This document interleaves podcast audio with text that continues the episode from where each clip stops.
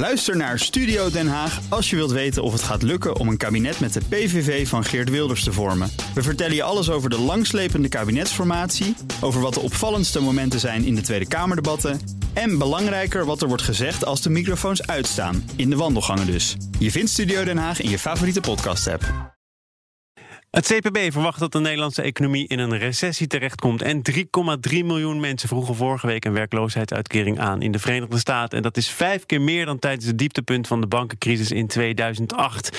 Dat en meer is voer voor het economenpanel. Vandaag bestaande uit Menno Middeldorp, hoofdeconoom bij de Rabobank. Roel Beetsma, hoogleraar macro-economie eh, van de Universiteit van Amsterdam. En lid van de European Fiscal Board. En Martin Visser, econoom en financieel journalist bij de Telegraaf. Mijn zakenpartner is Jacqueline Smit, oprichter van Rockport Inc. Eerder directeur bij TMG en ze zat ook in de directie bij Microsoft. Welkom allen, hebben wij contact? Ja, goedemiddag. Goedemiddag. Goedemiddag. Kijk eens, Roel hoor ik volgens mij telefonisch. Uh, laten, we, laten we ook bij jou beginnen. Want jij publiceerde afgelopen vrijdag, meen ik, in Mhm. verschillende media een stuk waarin je samen met collega's pleit voor een centrale Europese opslag en de verdeling van medicijnen en hulpmiddelen voor besmettelijke ziekten. Wat is het grote voordeel? Nou, kijk, het grote voordeel dat zien we nu. We zien dat ieder land probeert voor zich zoveel mogelijk eh, apparatuur te krijgen, bijvoorbeeld beademingsapparatuur. ehm, en medicijnen. Straks als een vaccin komt, dan eh, hopen we althans, dan, dan zullen landen dat ook ieder voor zich zoveel mogelijk eh, proberen te bemachtigen. En het voordeel is, en dat moet je eigenlijk van tevoren doen, eh, voordat er überhaupt iets kan optreden, dan moet je zeggen van als EU gaan we gewoon gezamenlijk gaan we een voorraad medicijnen, apparatuur aanleggen. En die gaan we ehm, op het moment dat er een ziekte uitbreekt, dan gaan we die hele, die hele voorraad hebben in principe beschikbaar om meteen de ziekte eh, te, te bestrijden. Eh, kijk, en wat er nu gebeurt is dat alles wordt in principe decentraal geregeld. Decentraal worden er, eh, wordt er apparatuur gekocht. En het is niet noodzakelijkerwijs zo dat de apparatuur op de plek komt waar die het meest eh, nodig is. Nee. Dus zou je zeggen, eh, regel dat dan maar centraal. En aangezien de Europese Unie het meestal wel met elkaar eens is, moet dit ook wel kunnen, toch? Nou ja, kijk, kijk, dit is altijd makkelijker gezegd dan gedaan. Ehm, maar ik denk dat deze crisis die maakt duidelijk dat centralisering van het beleid op dit punt eh, grote voordelen heeft. En we zien het nu ook gebeuren. Hè. Dus de Europese. eh, recent is er inderdaad eh, ook een ja, apparatuur aangeschaft op centraal niveau. Maar dat is natuurlijk op een veel te kleine schaal en, en veel te laat. En waarom vond jij dat je als macro-econoom dit punt moest maken? Want, want raakt dit ook nog aan economie wat jou betreft? Eh, nou, het raakt zeker aan economie, want economie gaat over schaarste en eh, eh, toedeling van middelen. En hier gaat het ook over schaarste. We hebben schaarste eh, aan beademingsapparatuur, we hebben schaarste aan mondkapjes, et cetera. En ik denk dat het goed is als dit beleid, ook de aanschaf, de opslag, ook de toedeling, als dat gecentraliseerd wordt. Dat is echt een, dat is op zich is dat een economenvraagstuk. Menno, zie jij het gebeuren? Eh, Dat dit economisch wat centraler wordt geregeld? Je maakt er meteen een politiek vraagstuk van. Nou, dat, dat is het toch Want, ook? econo- nou, economisch is het natuurlijk heel logisch. En één punt dat ook wordt genoemd in het artikel van Roel en, eh, en anderen...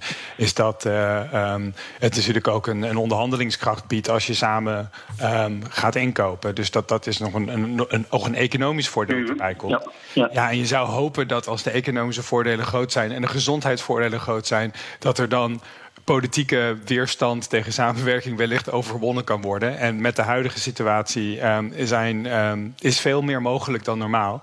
Eh, Het is never waste a good crisis. Eh, hier, eh, dit is misschien een kans om zoiets eh, werkelijkheid te maken. Ja.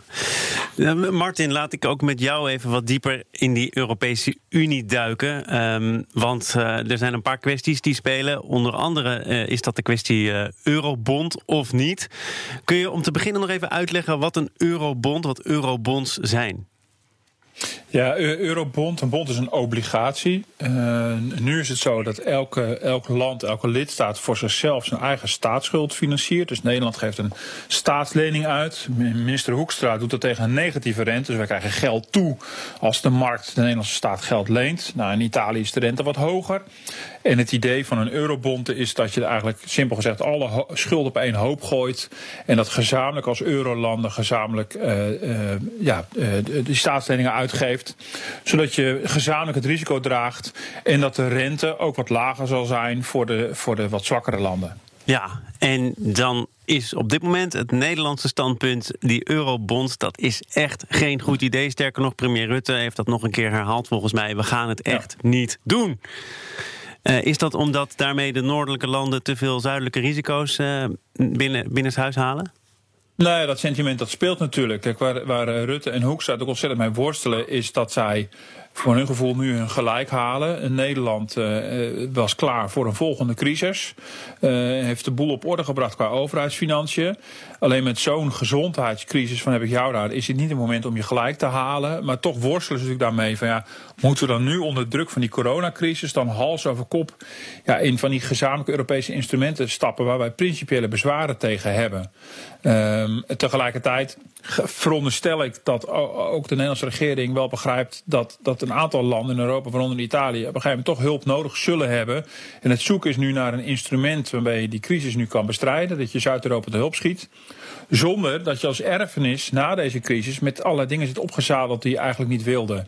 En uh, ja, goed, dat spel dat speelt Nederland vrij hard. En dat wordt ons niet in dank afgenomen. Nee. Overigens, wat ik interessant vond, in je eigen nieuwsbrief heb je een lijstje samengesteld van de van de voorstanders van die eurobonds afgezet tegen de omvang van de staatsschuld. Hm.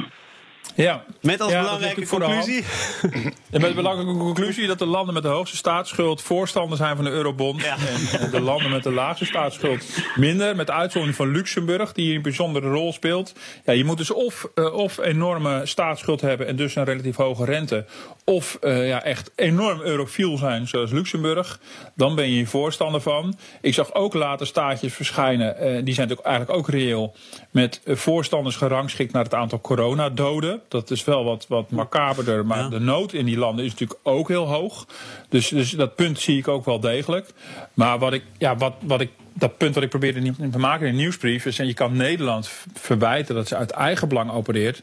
maar die andere landen opereren ook vanuit eigen belang. Laten we dat even helder stellen en dan kijken of je gezamenlijk naar de beste oplossing kan zoeken. Nou, we hebben bijvoorbeeld een noodfonds. Mhm. Misschien moet je, ik bedoel, je hebt uit de eurocrisis al... misschien moet je naar een ander instrument. Maar het lijkt mij niet zo'n goed idee om hals over kop nu dingen te gaan introduceren... waar we na deze crisis ook nog mee opgezadeld zitten. Dus je moet iets maken wat past bij deze crisis. Roel?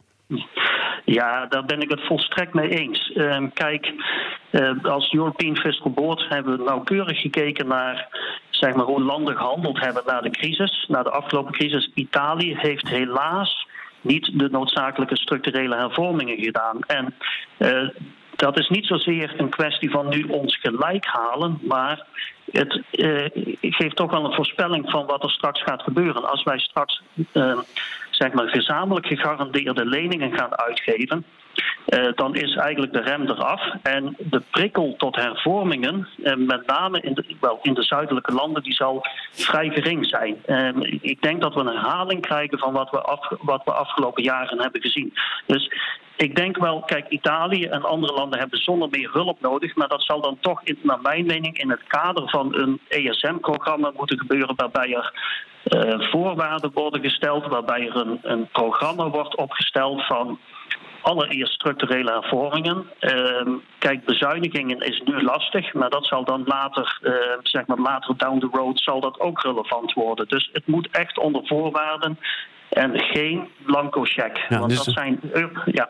Ik begrijp hier dat, uh, dat die opstelling van Nederland wel enigszins te verklaren is. Of die nou zo bikkelhard moet zijn als op dit moment het geval is, dat is dan voer voor discussie. Maar Menno, snap jij ook uh, dat Nederland op deze manier in de wedstrijd zit? Nou, het is wel voorspelbaar, omdat het een beetje de lijn is die, we, die Nederland altijd heeft gehad. Ik denk eerlijk gezegd, zelf zie ik juist voordelen bij de, de coronabond aanpak. Ik denk dat je daar een heel duidelijke lijn moet trekken tussen de algemene eurobond-idee. Uh, en ehm, de, de coronabond-idee. Oh, kun je dat verschil nog even uitleggen dan? Want ik ging eigenlijk. Nou ja, het, structuur is natuurlijk hetzelfde. Maar als je zegt van we gaan nu eenmalig een Europese obligatie uitbrengen. die alleen gebruikt kan worden. die alleen gebruikt wordt om uitgaven die nu worden gedaan. in het kader van gezondheidszorg. in het kader van de corona-uitbraak. Dat, dat, dat je dat dus eenmalig doet en dat dan loszet van alle andere apparatuur, inclusief de ESM, dan heb je een soort mhm. afbakening. En als je het dan ook heel duidelijk coronabond noemt, dan is het voor iedereen duidelijk waar het over gaat.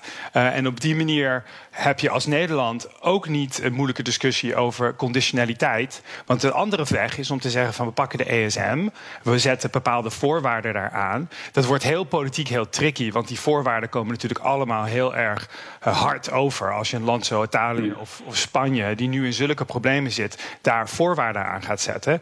Dus dan dus, dus, die weg is ook misschien vanuit dat oogpunt onaantrekkelijk. Dus in plaats van dat we daar een president neerzetten, kunnen we proberen een soort afgescheiden regeling dat op een Europese bond wordt, uh, met een Europese bond wordt gefinancierd.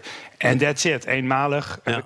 En en dan, dan, dan, hoef je ook niet later nog een keer daar dat voor financiering te gaan gebruiken. Dan gebruik je het nu alleen voor coronadoeleinden. Martin, jij hebt daar. Maar, wordt, maar wordt het dan, ja, sorry, ga je gewoon. Wordt het dan een soort gift? Ik bedoel, moet ik me dat voorstellen? Je, je vult een noodfonds gefinancierd met die Europese obligaties, met de coronabonds. En dan, hoe ga je dat geld verdelen? En is dat dan gift?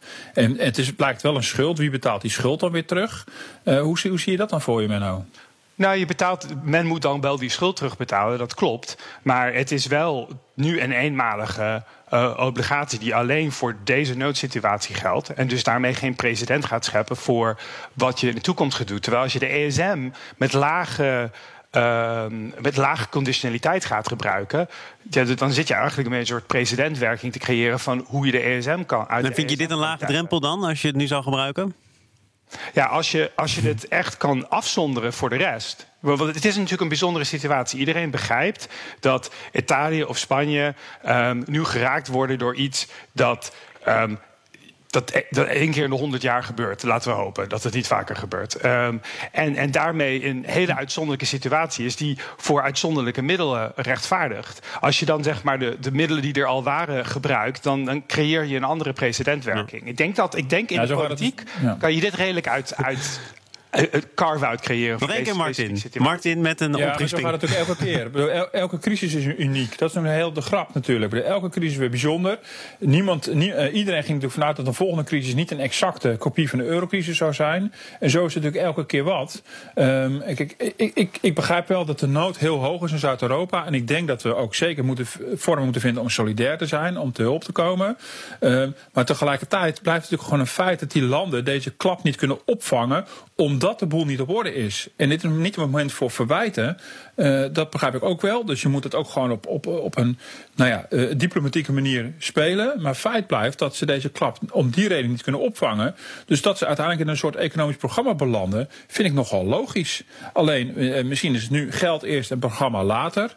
Maar dan hebben we gewoon de middelen gewoon staan. We hebben de instrumenten staan. Misschien moet het fonds wat groter. ja, dan kan je weer iets helemaal nieuws op gaan tuigen. En dan ga je bij elke crisis ga je weer iets nieuws op tuigen. Want omdat, ja, ik, ik, ik, wil nog, ik, ik denk dat Nederland zich hier in een hele lastige. In Nederland zet zich hier in een hele lastige politieke positie binnen de EU. Als we dit heel hard gaan spelen, dan kan je beter zetten, zeggen van we gaan nu coronabonds doen. Dat is dan, ja, die is heel uh, ruimhartig. Um, dat doen we dan. En vervolgens, inderdaad, als Italië dan to, alsnog of Spanje alsnog moeten terugkeren voor extra steun, omdat ze het niet op orde hebben, dan kan, moeten ze stappen naar de ESM. En dan kunnen dan wel harde eisen worden gesteld. Want als Nederland zich nu heel, dit heel hard gaat spelen, denk ik dat wij. Um, uiteindelijk politiek zwakker uitkomen binnen de EU, omdat dit ons niet vergeven zal worden in de toekomst. Roel, om het rondje af te maken, tot slot wat betreft dit onderwerp. Het lijkt wel zo'n telefonische vergadering. Uh, Roel, uh, ja, kijk, wil jij nog wat toevoegen? Ja, ik zie dat politieke aspect zie ik wel. Uh, maar dan is toch de vraag van hoe groot moet die omvang van die coronabond-issue zijn? Uh, en ik denk dat we ook eerlijk moeten zijn dat de kans is groot dat het geld niet terugkomt, dat het niet wordt afbetaald. Ik hoor nu uh, zeg maar getallen van 180% staatsschuld voor Italië. Nou ja, noem maar op. Dat is misschien best reëel. Uh, in het in, in de afgelopen jaren is Italië niet in staat geweest om de schuld binnen de, zeg maar, te, verlagen. Dus ik ben er wat sceptisch. Ik denk, wat ik nog zou willen zeggen is dat, kijk, dit kan ook een never waste a good crisis. Dit kan ook een moment zijn om inderdaad eh, landen de prikkel te geven om eh, ja, de orde, orde op zaken te stellen. Dus ik zie dat het een lastig laveren is. Uh, maar ik zou niet zomaar middelen beschikbaar stellen zonder enige voorwaarden lastig laveren. Het lijkt wel het economenpanel. het economenpanel vandaag met Roel Beetsma, Menno Middeldorp en Martin Visser, mijn zakenpartner Jacqueline Smit. En we gaan van Europa even terug naar Nederland, want het Centraal Planbureau kwam afgelopen week met verschillende scenario's voor de economie. Geen ramingen. En daar zijn er met nadruk bij. In het gunstigste geval blijft eh, de krimp van de economie beperkt tot 1,2 procent. Zou in een minder gunstig geval ook 7,7 procent kunnen worden, met ook een sterk oplopende werkloosheid. Eh, nou, we hebben er allemaal, denk ik, de afgelopen dagen al heel veel zelf over gezegd gezegd of over gehoord. Ik heb, had een gesprek met Zweden van Wijnberg. Die zei: Ik vind ze nog verdacht optimistisch. Kees de Kort, à la Kees de Kort, zei ze moeten zich kapot schamen. Uh, want die 1,2 procent, dat kan echt helemaal niet. Uh, Menno, hoe kijk jij naar die scenario's? Wel, die 1,2 was de upside scenario. Hè? Dus, dat moeten we erbij zeggen, dat, uh, zeker. Ja, nee, dus er was een hele waaier aan scenario's. En, en ze hebben daar niet een basisscenario bij benoemd. Dus je kan, ja, om dan de, de, de, de, upside scenario eruit te kiezen... en te zeggen dat dat te, best, te, te nou, optimistisch ik wil is. Ja, Kees de daarom is het de upside scenario. Ook, ook, het pessimistische scenario is wat betreft Kees... waarschijnlijk nog veel te optimistisch. ja, nee, maar goed, dat, daar kan je absoluut een discussie over hebben. Want het kan nu echt alle kanten op. Um, afhankelijk van hoe de virus zich ontwikkelt, hoe lang uh, we in, in, lockdown zijn, hoe traag het herstel verloopt. En het uiteraard, en dat is de belangrijkste factor, is in, in welke mate wij um, um, die overheidsrespons in verschillende landen effectief is om A uh, bedrijven um, op uh, levensvatbaar te houden in de tussentijd. Om te zorgen dat de werkeloosheid niet te hard oploopt. En vervolgens om te zorgen dat het herstel op gang kan komen. Al die dingen zijn zo onzeker. En omdat je begint al met tientallen, dalen, tientallen procenten dalingen in, uh, in productie, in, in de fase waar we nu in zitten, um, kan je heel makkelijk allerlei verschillende um, scenario's creëren. Want als je, als je zeg maar 50% omlaag gaat en vervolgens daar blijft, ja, dan heb je natuurlijk een veel grotere daling dan, uh, dan die, het CPB voor dit jaar. Uh, ja, Maar hebben die scenario's dan wel zin? Je zegt zelf, ze geven geen basisscenario aan. Er zit ook nog wel heel veel tussen scenario 1 en scenario 4. En dan nog met alle mogelijke voorbehouden. Want uh, dit is inderdaad niet een crisis als de vorige. Dus waar moeten we van uitgaan? Die sociale inperking, dat is eigenlijk een factor die we heel moeilijk kunnen wegen. Tja, wat, wat, ja, wat bespreken we dan hier eigenlijk? Ik denk dat het altijd goed is omdat je beslissingen moet nemen op basis van de toekomst. Um, en, eerder werd gezegd dat economie de, um, de wetenschap is van de schaarste. Het is ook een wetenschap van, um, van beslissingen onder onzekerheid. Uh, en dat is precies wat nu nodig is, is een, een, beeld van die onzekerheden te krijgen, maar dan toch een beslissing te nemen. Zoals Rutte zei, je moet 100% van de beslissing nemen met 50% van uh, de gegevens. Ja, dat, dat betekent dus proberen toch vooruit te kijken en de beste besluiten nemen, ook al is die situatie super onzeker. Martin, hoe heb jij die scenario's uh, ontvangen en bekeken? Nou ja, ook het, het, geeft in ieder geval een beetje een, eh, een kader. Uh, bedoel, terwijl het verschil tussen het optimistische en het meest pessimistische is natuurlijk echt enorm groot. En dan is het nog niet eens, bedoel, het, het zijn er ook maar vier. Bedoel, je kan er ook tien verzinnen. Bedoel, je kan het nog, je kan, je kan ook het Kees kort scenario erbij stoppen. dat kan allemaal, natuurlijk, kan allemaal prima.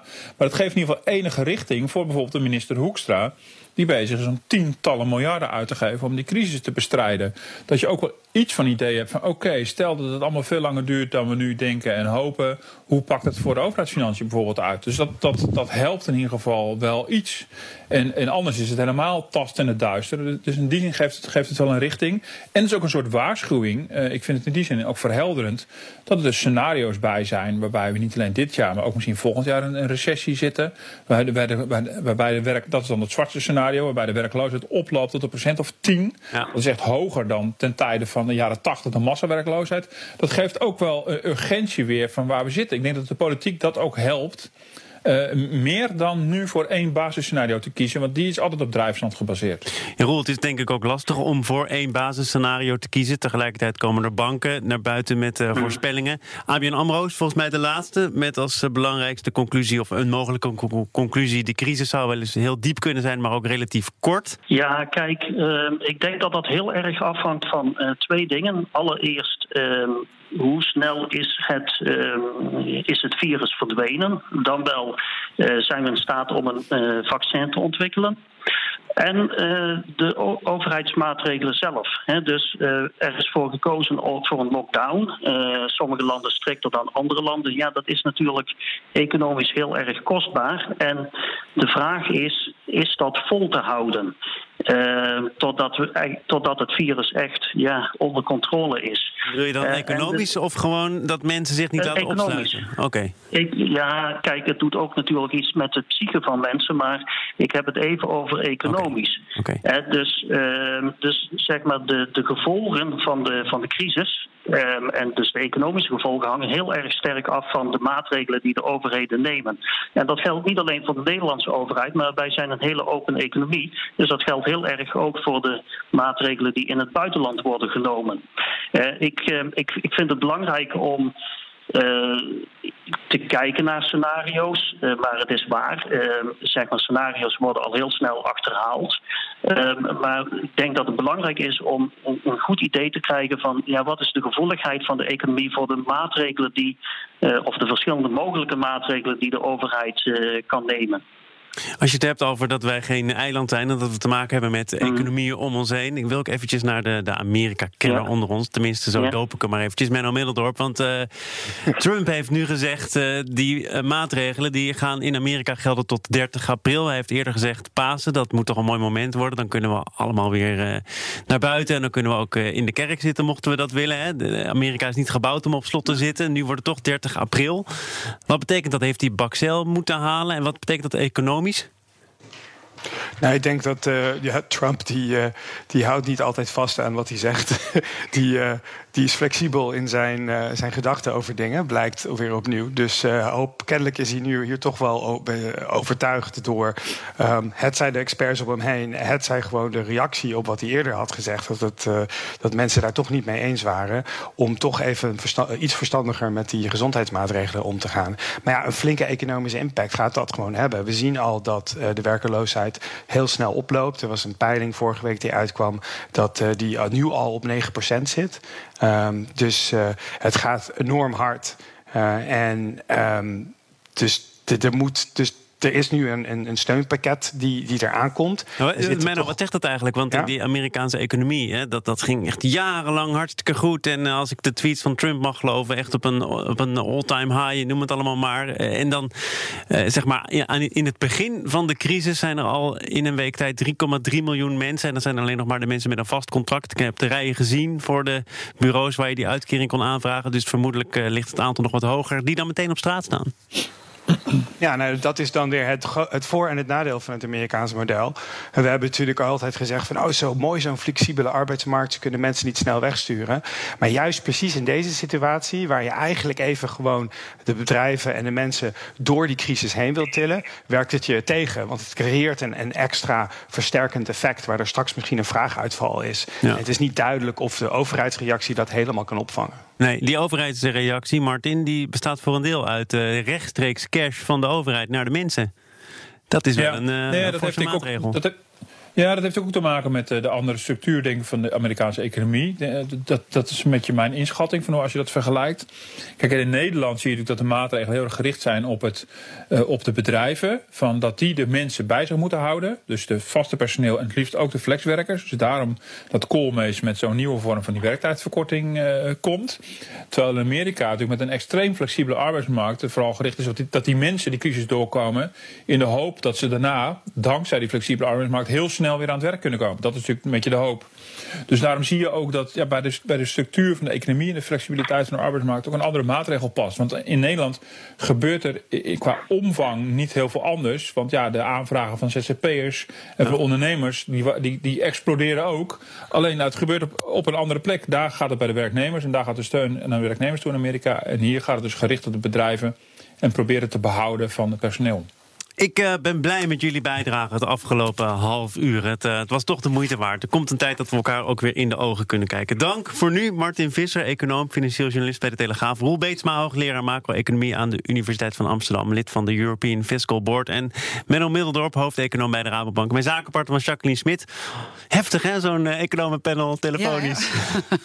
maar, wel maar het is gelukt. Ja, het is gelukt.